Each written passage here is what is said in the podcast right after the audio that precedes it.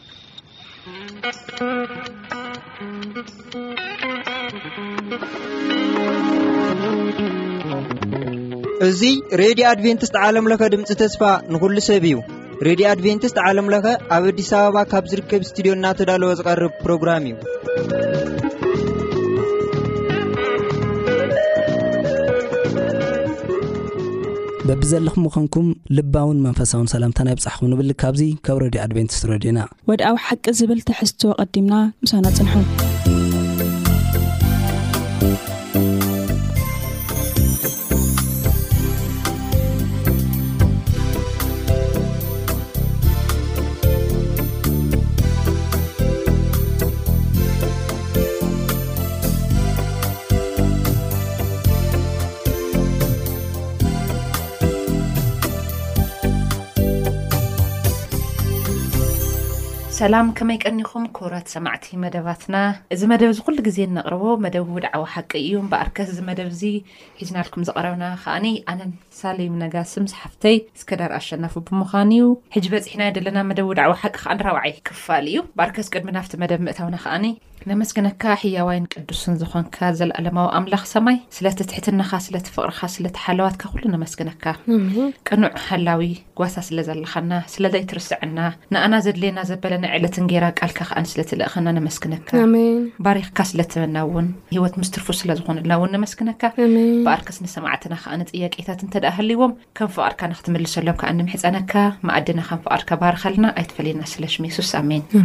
ናይ ሎሚ ንሪኦ ኣርእስቲ ራብዓዩ መደብ ወድዓዊ ሓቂ ኣብ ናይ ተልእኮ እግዚኣብሔር ተኻፋሊ ምዃን ብዝብል መደብ ናይቲ ራብዓይ ርባዕ ምዝራብ ገዲፍኩም ናብ ተግባር ተሳገሩ ዝብል እዩ። ኣብቲ ክፋላት እዚ ከዓ ናይ ሕድሕድ መፅሓፍ ቅዱስ ዛንታታት ይቐርብ እዩ እና ሕጂ ዝሪኦ ዘሎ ግን ራብዓይ ክፋል ናይ ሓደ ናይ ተልእኮ ተኻፋሊ ዝኾነ መፅሓፍ ቅዱስ ተልእኮ እግዚኣብሔር ከይተደራደረ እዩ ተቐቢልዎ። ብኸመይ መልክዕ እዩ ተቐቢልዎ ብልብል ግን ዓለም ትጥይቖ ጥያቄታት ተጠይቐ። ውጹ ክበሃሎ ከሎ ታይ ሒዘ ናበይ ክኸይድ ገለመለ ምናምን ቅጽል ኢልና ክንርእዮ ኢና ኣብ ካሊእ እና ታይ ይብል ኣብዚ ካብ መጀመርታ ኣብርሃም ልኡኽ እግዚኣብሔር ናይ ምዃን ድሌት ነይርዎ እዚ ሓቂ ድማ ንኣብነት ዘፍጥረት ዓሰርተ ሸሞንተ ብዛዕባ ሶዶም ጎመራ ክወስዶ ዝነበሮ ስጉምቲ ዘማኸሮ ክንርኢ ንኽእል ምኽንያቱ ክጎዓዝ እንከሎ ምስ እግዚኣብሔር እግዚኣብሔር እውን ከም ሓደ ኣብ ምድሪ ሓደ ኣማኻሪ ጥራሕ እዩ ነይርዎ ምድሪ ብምሉእታስ ዝሰምዖ ዝእዘዞ ስለ ለይነበረ ሓደ ጥራሕ ዘማኽሮ ኣካል ነይሩ ኣብ ምድሪ ንሱ እውን ኣብርሃም ጥራሕ ነይሩ ስለዚ ልኾነ ነገር ንምድሪ ልኾነ ስራሕ ክሰርሕ እንተደልዩ ስለ ኣብርሃም እዩ መጺኡ ዝነግሮ ስለዚ ተኣዩ ሓደ ኣይከሰረይ ኣምጽእ ኣቢሉስ ኣይኾነ የቕሚጥዎ ነግለ ማኻሩ ኢለ ገይርዎ እዩ እግዚኣብሔር ለኣብርሃም ላበይ ክኸይድ ኮሎ ከሎ ስቑኢሉ ምስ ተራ ነገር ምስ ባኣድ ነገር ከዋግዕ የኾነ ጸዊዕዎ ስለዚ እቲ ናይ ተልእኾ እግዚኣብሔር ንኽፍጽም ሓደ ድገበሮ ካብ መጀመርኡ ተበግሶ ነይርዎ። ናይ እግዚኣብሔር መንግስቲ ስራሕ ናይ ምስላጥ ድሌት ነይርዎ። ኣብ ውረድ ኢልና ክንርኦ ከለና ሰለስተ ናይ ሎሚ ሰሙን እንርእዮም መደብ ውድዓዊ ሓቂ ሰለስተ ባህርያት ናይ ኣብርሃም ኣለዎ። ጋሻ ምቕባል፣ ፍቕሩ ምግላጽ እና ጸሎት ኣብ ከባቢኡ ንዘለዉ ማሕበረሰባት ይጽሊ ነይሩ። ብዛዕባ ጸሎት ልብል ናይ ኣብርሃም ክንርኢ ከለና ቅድሚ ሕጂ እዚ ቃል እዚ ኣይተገለጸ ናይ ኣብርሃም መንነት ኣብ ብዙሓት መጽሓፍትታት። ቅጽል ኢልና ክንርኢ ኢና ኣብ ናይ እና ኣብዚ ክንርኢ ከለና እንታይ ይብል ሰለስተ ባህርያት ናይ ሰሙን እዚ መግለጺ ናይቲ ንሪኦ መደውድዓዊ ሓቂ ኣብርሃም ጋሻ ይቕበል ነይሩ ኣፍቃሪ ሰብ ነይሩ ናይ ጸሎት ሰብ ነይሩ ጋሻ ልብል ቃል ክንርኢ ከለና ኣብ መዘፍጥረት ምዕራፍ ዓሰርተ ሸሞንተ ካብ ሓደ ክስካብ ዓሰርተ ሓሙሽተ ከድኩም ንክተንብቡ ንዕድመኩም ክብራት ሰማዕትና እንታይ ይብል ኣብርሃም እዛ ምድሪ ከነኣን ክወርሳ ከሎ እታ መሬት ክትባሃወ ከላ ኣብ ምንታይ ኢሉ ቅምጥ ነይሩ ኢሉ ጂኦግራፊካዊ ከድና ክንርኢ ከለና ጫፍ ኣብቲ ኣፍደገ ናይታ ከነኣን እዩ ዝቕመጥ ነይሩ እና ዝመጽእ ጋሻስ መጀመርያ ንመን እዩ ዝረኽቦ? ንኣብርሃም እዩ ዝረኽቦ። ብዕላማ ኢለ ለቕሚጥዎ እግዚኣብሔር ኣብታ ቦታ ንሳ። ኣብ ማእኸል ክቕጎ ክገብሮስ ይኽእል ነይሩ እዩ ግን ንዕላማ እዩ ኣቕሚጥዎ ኣብታ ጫፍ ገይርዎ ስለምንታይ? ኣብርሃም ድንኳን ክሰርሕ ከሎስ መሰውኢ ድንኳን ለይሰርሕ ነይሩ። ድንኳን ኣልዒሉ ክኸይድ ከሎ ግን ለየልዕሎ ነገር ታይ መሲሉ? እቲ መሰውኢ የልዕሎ። ካብ'ቶም ኣብቲ ከባቢ ዘለዉ ሰባት ዝታየ ግብሪ ኣየልዕልዎ'ዩ። ጀሆቫ ከይዶም ኣብቲ ቦታ ንሱ ከይዶም እዮም ዘምልኽዎ። ድሕረ ባይታ ክንርኢ ከለና እና ክንድምንታይ ከም ዘኽብርዎ ከም ዝነበሩ፣ ኣሰራርሕኡ ርእዮም ይድነቑ ከም ዝነበሩ ኣብቲ ከባቢ ንሱ እውን ኣብቲ ባይ ዘ ወይ ናይ ኣብርሃም ገዛ ከይነኽእል ለይሓልፍ ሰብ ኣይነበረይ። ካብ ምንታይ ልተላዕለ ብዙሓት ሰባት እዮም ደለዉዎ እኮ ኣብቲ ገዛስ ብዙሓት ከም ዘለዉ። ኣብቲ ገዝኡ ዘለዉስ ልዕሊ ሰለስተ ሚእቲ ገለ እኮ እዩ ታይ ድዩ ልብል ንሶዶም ከይዱ ክዋጋእ ከሎ ሓው ተኣሲሩሲ ሰለስተ ሚእቲ ምናምን ምስኡ ዝዓወዩ ኣብቲ ገዛ እኮ እዩ ሒዙ ከይዱ። ክዋጋእ ማለት ካበይ ነምጺዎም ኣጋይሽ ኮይኖም ዝመጹ ገለ መለ። ምፃተኛታት ከምኡ ክኾኑ ተቐበሎም እውን ብጣዕሚ ጨዋታ እግዚኣብሔር እዚ ባህሪ እዚ ከርኢ ዝገበሮ ብዙሓት ሰባት ብጣዕሚ ደኺምዎም ክዓርፍሉ ዝደልዩ ቦታ ዝሰኣነሉ ዘመናት እዩ ነይሩ ማንም ሰብ ገዝኡ ከጋየሸ ከይኽእል እዩ። ረሳሓት ክፉኣት ዓመፀኛታት ዓለወኛታት እዮም ነይሮም ኣብቲ ሽዑ ሰዓት ግን ሓደ ሰብ ጥራሕ ነይሩ ኣብዚ ምድሪ ኣጋይሹ ዝቐበል ደሓር ይግረሙ ነይሮም ምኽናቱስ ኣብ ገዛ ዳማትካ ኣቲኻስ ምግቢ ክትበልዕ በቲ ዘመን ንሱስ ከቢድ እዩ ትፈርሕ ዋላ ሕጂ ሕጂ ከምቲ ቀደም ዝነበረ ኣቦታትና ሰይገብሩ እዩ ትፈርሕ ኢኻ ጋሻ ከምቲ ቀደም ትቅበሎ ነበርካ ዘይትቅበል እዩ ዳፈራሕካ ክትመጽእ ኣብርሃም ግን ኣይምልከቶ እዩ ዛዕባ እዚ ነገር እዚ እቶም ዝሓለፍቲ መንገድስ ባዕሎም ይኾን እዩ ዝመጹ ባዕሉ ከይዱ ለሚኑ እግሮም ሓጺቡ እዩ ዘእትዎ ኔሩ እስከ ክንድኡል ዳፈረ እዩ ኔሩ እዚ ነገር እዚ ንምንታይ ጠቂምዎ እቲ ሕድሕድ እዚኣ እንዳመጸ እግሮም ሓጺቡ ገለ ዝገብሮምስ ንኣህዛብ ምስክርነት ትኾኖ ኔራ ብዙሓት ሰባት ኣብኡ ይቐርዩ ነይሮም ብፍቕሩ ይንደፉ ነይሮም ብዙሓት ነገራት ይጥቀሙ ነይሮም እና ከይተረድኦ ግን ናይ ሰማይ መልእኽተኛታት ኮኑ ኣብ ገዝኡ እትዩ መኣዲ ኣቐርቡ እግሮም ሓፅዩ ስለዘ ንሕና ኣጋይሽ ክንቕበል ሓደ ዓብዪ እጃም ናይ ሰማይ ስራሕ ከም ድኾነ ይነግረና እንታይ ይኹን ብዘይገድስ ንማንም ክነስተኣናገድ ከም ትግበአና ውህብቶ ናይ ኣብርሃም ሓደ ጋሻ ናይ ምቐባል ኣብቲ ከባቢ ዝነብሩ ሰባት ብኣብርሃም ይድነቑ ነይሮም ከነኣናውያን ሰባት ስለዚ ንሕና ሓደ ናይ መንፈስ ቅዱስ ስራሕ ወይ ድማ ናይ ሰማይ ስራሕ ከም ድኾነ ኣጋይሽ ምቕባል ይነግረና ማለት እዩ። ኣብ ናይ ሶኒ ከይድና ክንርኢ ከለና ከኣኒ ፍቕሪ ኣብርሃም ንኹሉ ሰብ ካበይ ልተልዓለ እዩ? ንሶዶም ይፈትዎም ነይሩ፣ ንፈርዛውያን ይፈትዎም ነይሩ፣ ብምልኦም ይፈትዎም ነይሩ። ሲጀምር ምንም ምስኦም ዘባእሶም ነገር የብሉን። እቲ ካልኣይ ብዛዕባ ኣብርሃም ካብ ዘፍጥረት ክንመሃሮ እንኽእል ብሉጽ ባህሪ ድማ ብሓፈሻ ንደቂ ሰባት ዝነበሮ ፍቕሪ እዩ። እቲ ሓደ ፍቕሪ እንታይ ይብል? ነፍሲ ወከፍ ዓቢ ትምህርቲ እዩ። እቶም ናይ ሰዶም ገሞራን ነበርቲ ካብቲ። ዝበለጹ ፍጹም ሓጢኣተኛታት፣ ናይቲ መነባብሮኦም ዝተፈለየ ዝነበሩ እኳ እንተ ዀኑ፣ ንኣታቶም ብዘይ ኣፈላላይ ይርእዮም፣ ይጥምቶም፣ የፍቅሮም ከም ዝነበረ ይነግረና። ንሓዉ ዝመረጾ ከተማ ዋላ ሕማቕ እንተ ዀነ ግን ኵሉ ግዜ ጽቡቕ ይምነየሉ ከም ዝነበረ፣ ጽቡቕ ምምናዩ ጥራሕስ እግዚኣብሄር ምስኡ ክዘራረብ ገይርዎ። ሓደ ክንርኢ ከለና ተስታውስ ትኮይንኩም ካብ ጦርነት ተመሊሶም መፅም ካብ ጦርነት ተመሊሶም ክመፁ ከለው ዝገንዘቡ ሰደሞት ህዝቢ ግን ናብይ ምለሰለይ ክብሉ ከሎ ዝኾነ ናይ ምስሳዕ መንፈሰ ተርእየይ ባዕለይ ማሪ ከለምፃ ክወተልካ ስኻ ኣየወሎይ ይኹን ፀገም የብሉን ሰዶ ዓይነት እዩሉ ዝበሃውሉ እግዚኣብሔር ሂቡ ለይንብረቱ ከዓ መሊሱ ኢሉ ብለና ብዙ ወዲ ዚ ባህርያት ኣብቲ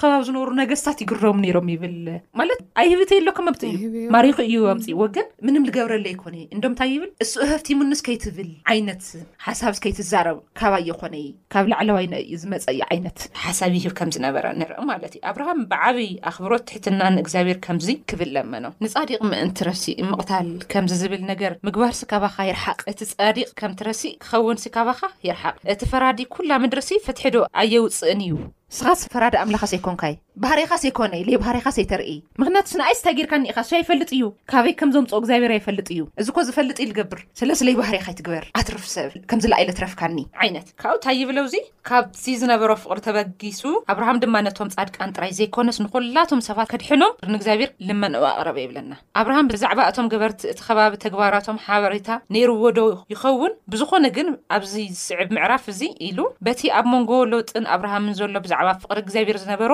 ኣፍልጦ ምእንቲ እዞም ሰባት ክጽሊ ከሎ እንርእዮ ኣብርሃም ደቂ ሰባት ኣብ ዝኾ እዋን እንተተነሲሆም እግዚኣብሔር ይቕረ ኢሉ ከም ዝቕበሎም ይፈልጥ ነይሩ። ዘየጥፍኦም ናይ ምንሳሕ ዕድል ከም ዝህልዎም ኣሚኑ ነበረ። ባይ ዘ ወይ እዚ ጸሓፊ እዚ ክጽሕፎ ከሎ ኣብርሃም ብዛዕባ እዞም ናይ ሎጥን ናይ ሶዶም ከተማ መንነት ብደንቢ ዝተረደኦስ ኣይመሰለንን ኢሉ እዩ ጽሒፍዎ እዩ። ምኽንያቱ ምሕረት ዝግብኦም ሰባትስ ኣይኮኑን ነይሩ። ግን ብዘየገድስ ስርሑ ስለ ለይነበረ ናይ ኣብርሃም ናይ ኣብርሃም ስራሕ ታይ እዩ ኣብ ሞንጎ እግዚኣብሔርን ኣብ ሞንጎ ሰባትስ ዕርቂ ምውራድ እዩ ስርሑ ነይሩ። እዚኣ ጥራሕ እዩ ተጫዊቱ። ኣይዶኖ እስኻስ ባህርያኻስ እሱ ምኻኑ እየ ልፈልጥ ስለዚ እስኻስ ፍትሒ ኣውርድ። ማለት ምሕረት ግበር ልቐቕ ስቁ ኢልካ ኢልዎ ግን ብዘዘራብራባ እዚ እግዚኣብሔር ሙሉ ሰምዕኒ እንዲ ኢለ ኢለ ልመሃር እንዲ ኢለ ኢለ ዓይነት እኮ ኢልዎ እዩ ተኸራኺርዎ እዩ እኮ እሞ በል ብሓምሳ ሰብ ሓምሳ ተረኺብካ ከ ኢልዎ ዓሰርተ ተረኺብካ ከ ክልተ ሰባት እዮም ቀርዮም ኣሰዊ ተፍቲ በረኻ ቀርያ ብዘይገድስ ሎጥ ኣብርሃም ከምዚ ከም ዝገበረ ታሪክ እንተሃልይዎ ፅቡቕ ይመስለኒ ንሶዶም ከም ዝለመነላስ ታሪክ ዘለዎ ኣይመስለኒ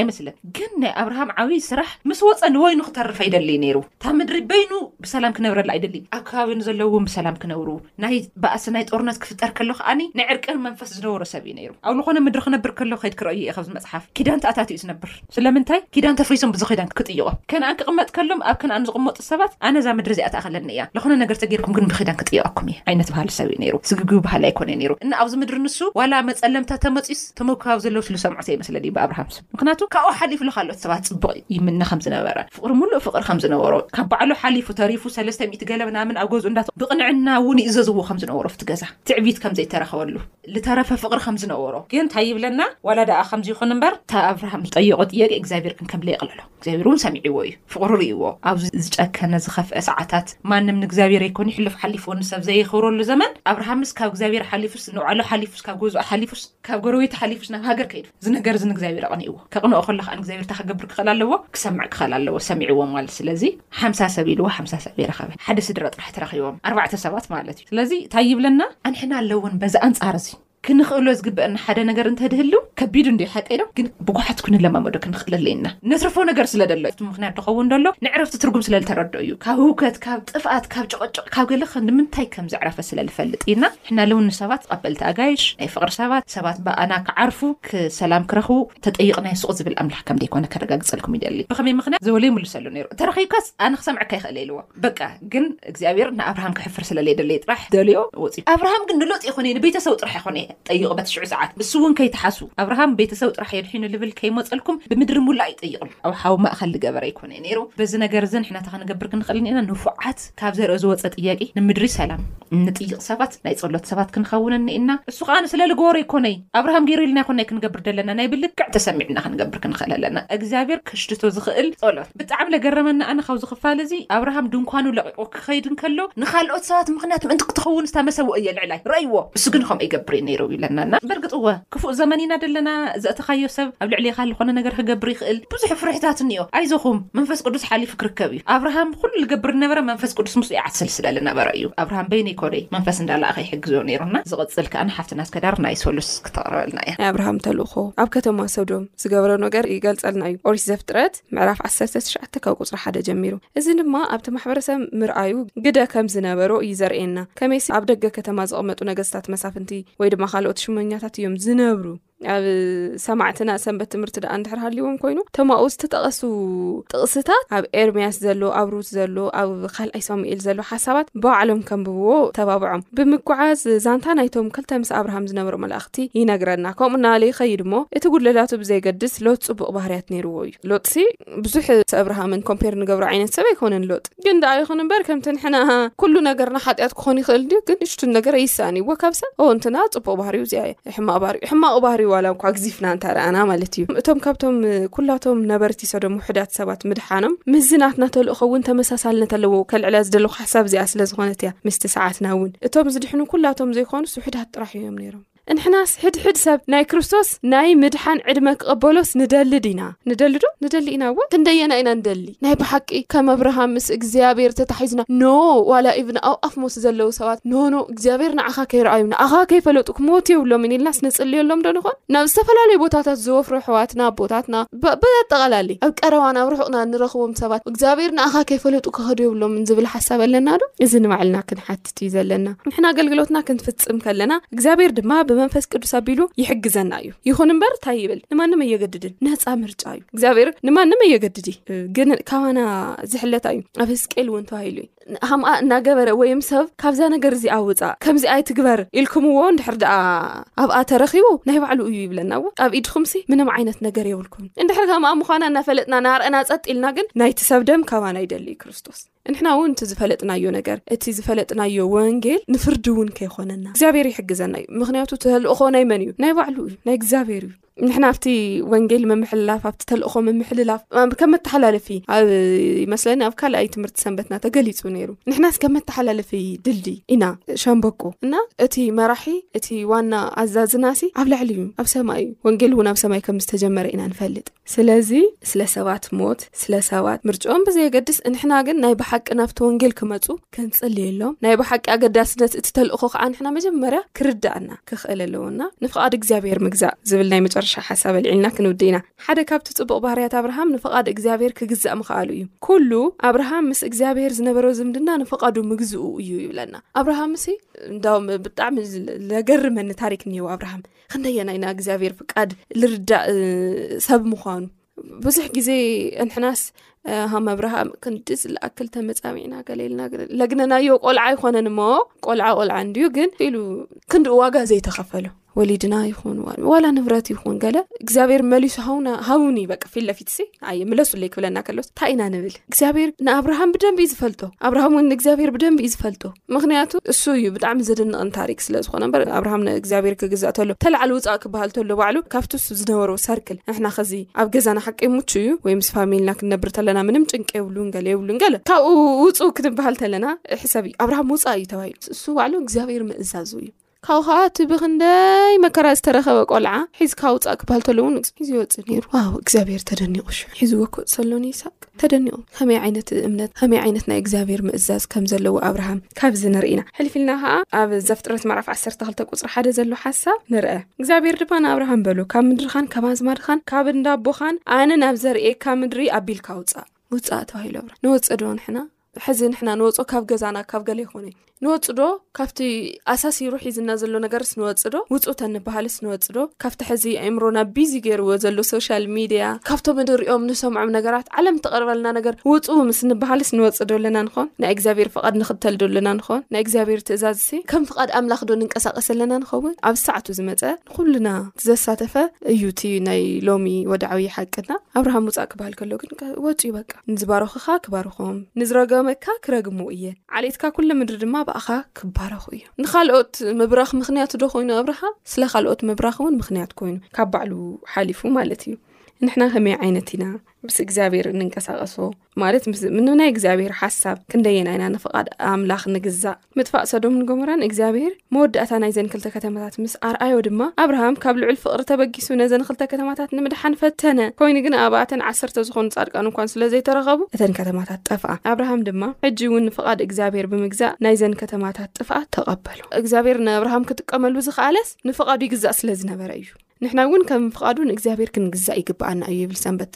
ትምህርትና ኩልና ሲ ሃመይ ኢና ንፍቓድ ኣምላኽ ክንግዛእ ዘለና ናይ እግዚኣብሔር ድምፂ ክነስተውዕል ዘለና ኣብርሃም ውፃእ ክበሃል ከሎ ክወፅእ ከሎ ሶዶምን ጎመራን እግዚኣብሔር ነተን ከተማታት ክጥፍእ ከሎ ናይ ፍቓድ ኣምላኽ እዩ ኢሉ ከግሮም ድማ ይረኣናዮን ወይ ድኣ ብፍቓድ ኣምላኽ ክኽተል ከሎ ንሪዮ ንሕና እውን ሕዚ ፍቓድ ኣምላኽ እናፈፀምና ሰባት እንርእዮም ክርስቶስ ናይቲ ተልእኾ ዓላማ ክንፈልጦ ማለት ብዋና ዝርእይዎ ክርስቶስ እዮም እቶም ሰባት እውን ምስክር ዝኾኑ እንታይ ዓይነት ክርስቶስ ነርእ ኣለና ንሕናሲ ንፍቓድ ኣምላኽ ንግዛእ ዶ መጀመርያ ሰባት ካባና ዝርእይዎ ነገር ስሱኮ እዩ እንታይ ዓይነት ክርስቶስ ኢና ነርኢ ምስቲ ኣብ ዓለም ዘሎ ዲና ተመሳሲልና ወይስ ከም ኣብርሃም ተነፂልና ዲና ወፂና ዲና ካብ ካብቲ ውፁ ዝተባሃልናዮስ ወፂና ዶ እዚ እውን ብደንቢ ክንርእዮ እዩ እግዚኣብሔር ዘተሓሳስበና ሰማዕትና ብድሆ ኣብ ከተማታትና ንቓል እግዚኣብሔር ብዝግባእ ክንሰብኽን ከይነገልግል ዕንቅፋታት ይገጥመና እዩ። ስለዚ እግዚኣብሔር ነዞም ዕንቅፋታት ክኣልየልና ክንጽሊ ይግብኣና። እዚ ሰንበት ትምህርቲ ኣብ በብ ምዕራፉ ናይ ባዕሉ ዝኾነ ቻሌንጅ ሒዙ ይመጽእ። ሎሚ ሰሙን እዚ ኣጸልዩ ቀጻሊ ሰሙን ሕዚ እውን ኣብ ከተማ ከይድና ከይነገልግል ከይንሰብኽ ዝገብሩና ነገራት ኣለዉ ዶ ኢሉ ኮርስ ኣለዉ እዮም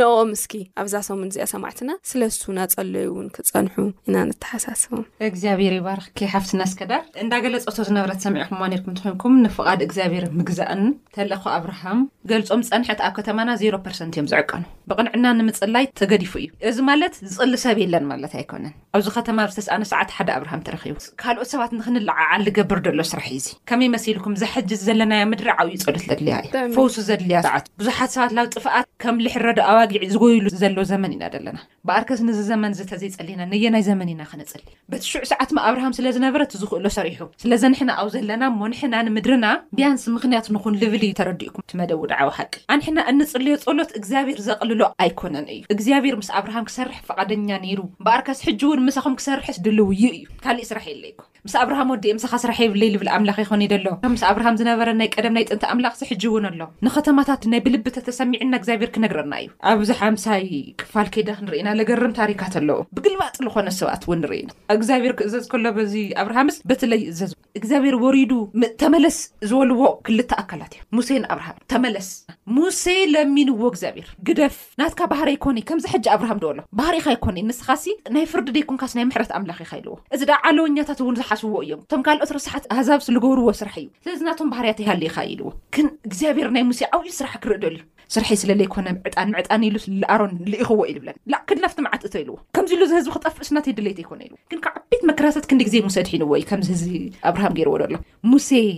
ጸሎት ልተሰምዐት ለገርም እዩ ከድኩም ትኸፋል ርእዎ ኢኹም ኣብ ዘዳግም መጽሓፍ ዓሰርተ ሸሞንተ ክፍሊ ኣለኩም። ኣሮን ኣይኣቲ እግዚኣብሔር ወሪዱ እዩ ክብል ይኸእል ነይሩ እዩ። ሙሴ ካህን ስለ ለይኮነ ዕጣን ክዓጥን ልኽእል ኣሮን እዩ። ሓቀይ ዶ? ወሪዱ እዩ ተማጊትዎ እዩ ልእግዚኣብሔር ኣብይዎ ምስማዕ ግን መጨረሻ ታይ ገይሩ እዩ ልብለና መጨረሻ ላይ ኪድ ኢልዎ። ኺድ ከይድ ኣሮን መዓት ወሪዱ ተነን ተነን ኢሉ ንዚ ከተማ ንሰብ መዓት ዕስራ ሓሙሽተ ሽሕ ሰብ ጠፊኡ ኣብ መንጎ ዕስራ ሓሙሽተ ሽሕ ሰብን ኣብ መንጎ ገና ከጥፍኦ ዝደሊ ህዝብን ኣብ መንጎኡ ተሰሊፉ ኣሮን እዚ መዓት ንሱ ታይ ገይሩ ይብል ካብቲ ናይ ህዝቢ ዓመጽስ ኢልዎ ናይታ ንእሽተይ ዕጣን ኣሽቲትዋ ይብል እግዚኣብሔር ሕጂ ከኣ ኣነይ ንስኹምን ንዛ ከተማ እዚኣ ዕጣን ክንዓጥን እግዚኣብሔር ኣምላኽ ብትሕትና ይዕድመና ኣሎ እንተ ደኣ ከምዚ ኮይንኩም ምሳኹም ክሰርሕ እየ እዩ እንተ ዓይነት ከምዚ መንፈስ ደለዎ ሰብ ተሃልዩ ክገብር እየ እዩ ኣብ ሕድሕድ ዘመናት እውን ከምዚ ዓይነት ልእኹ ዝፍጽሙ ሰባት ኣለዎ ዋእ ኣሮን ግዴትኡ ኣይኮነይ እስከዳር ሰማዕትና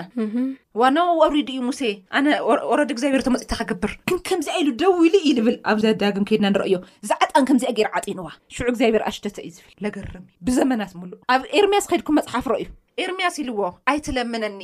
ሙሴን ሳሙኤልን ተለቐርብ እውን ኣይሰምዖም ዝበለሉ ዘመን እውን ነይርዎ እቶም ዝፈትዎም ነብያተይ ተለቐርብዎ ነብ ቅድመይ ሲ ኢልዎ ኣይሰምዖምን ክሰምዖ ዘይክእለሉ ህዝብን እውን እኒኤኒ ኢልዎ ግን ኣነይ ንስኹም ሕጂ እውን ሲ ኣነ እኮ ልገርመንስ ጸልዩ እሞ ክሰምዐኩም እየ ልብል ደሎ እዩ ኣነ እኮ ለገረመን ደሎ ክፋል እዚ ኣትርር ኣቢለ ልዛረብ ደለኹ ስለ ለገረመኒ እዩ ኣነስ ምስቲ ምሳይ ትሓብርዎ ዘበለ ስራሕስ ብጣዕሚ እዩ ዘሕጉሰኒ እዩ እዩ በይኑ ከይኮነ ናይ ኣብርሃም ልቢ ለለዓዕለኩ ዓርቢ ክፋል ከድና ንረእናዮ ኣብ ዓርቢ ኣብርሃም ንክሓስብ ልገበሮስ ናይ እግዚኣብሔር መንፈስ እዩ እኮ እዩ ልብል ከምበወልኩም ተደሊኹም ታይ ይብል መሲልኩም ኣብ ዓርቢ ንኣብርሃም ናይተን ዝጠፍኣ ነብሳት ክጽሊ ኣለዓዒልዎ ሽሕኳ ብኣይ ብእከይ ናተይ ከተማታት ናተን ከተማታት ይጉህእ እንተነበረ እቶም ሓጢኣተኛታት ግና ክድሕኑ ይደሊ ነበረ መን እየ ኣለዓዒልዎ ንእግዚኣብሔር መን ጽቡቕ ነገር ክንሓስብ ዝገብረና እኮ ካሊእ ካሊእ ዓለምኮ የለይ ካሊእ ፕረዘንስ እኮ የለይ ናቱ እዩ ካብኡ ልመጸ ሓሳብ እዩ እዚ ኩሉ እዚ እምበኣርከስ ኣነይ ንስኹምይ ሕጂ ብህድኣት እግዚኣብሔር ነተን ዝጠፍኣ ነፍሳት ተገዲስና ክንጽሊ ይዕድመና ኣሎ ከምቲ ኣብርሃም ተገዲሱ ንስ ንሎጥ ኣይኮነይ ንወዲ ሓው ኣይኮነይ ብቻ ተገዲሱ ንምድሪ መላእ እዩ ተገዲሱ እምበኣርከሰ ንሕና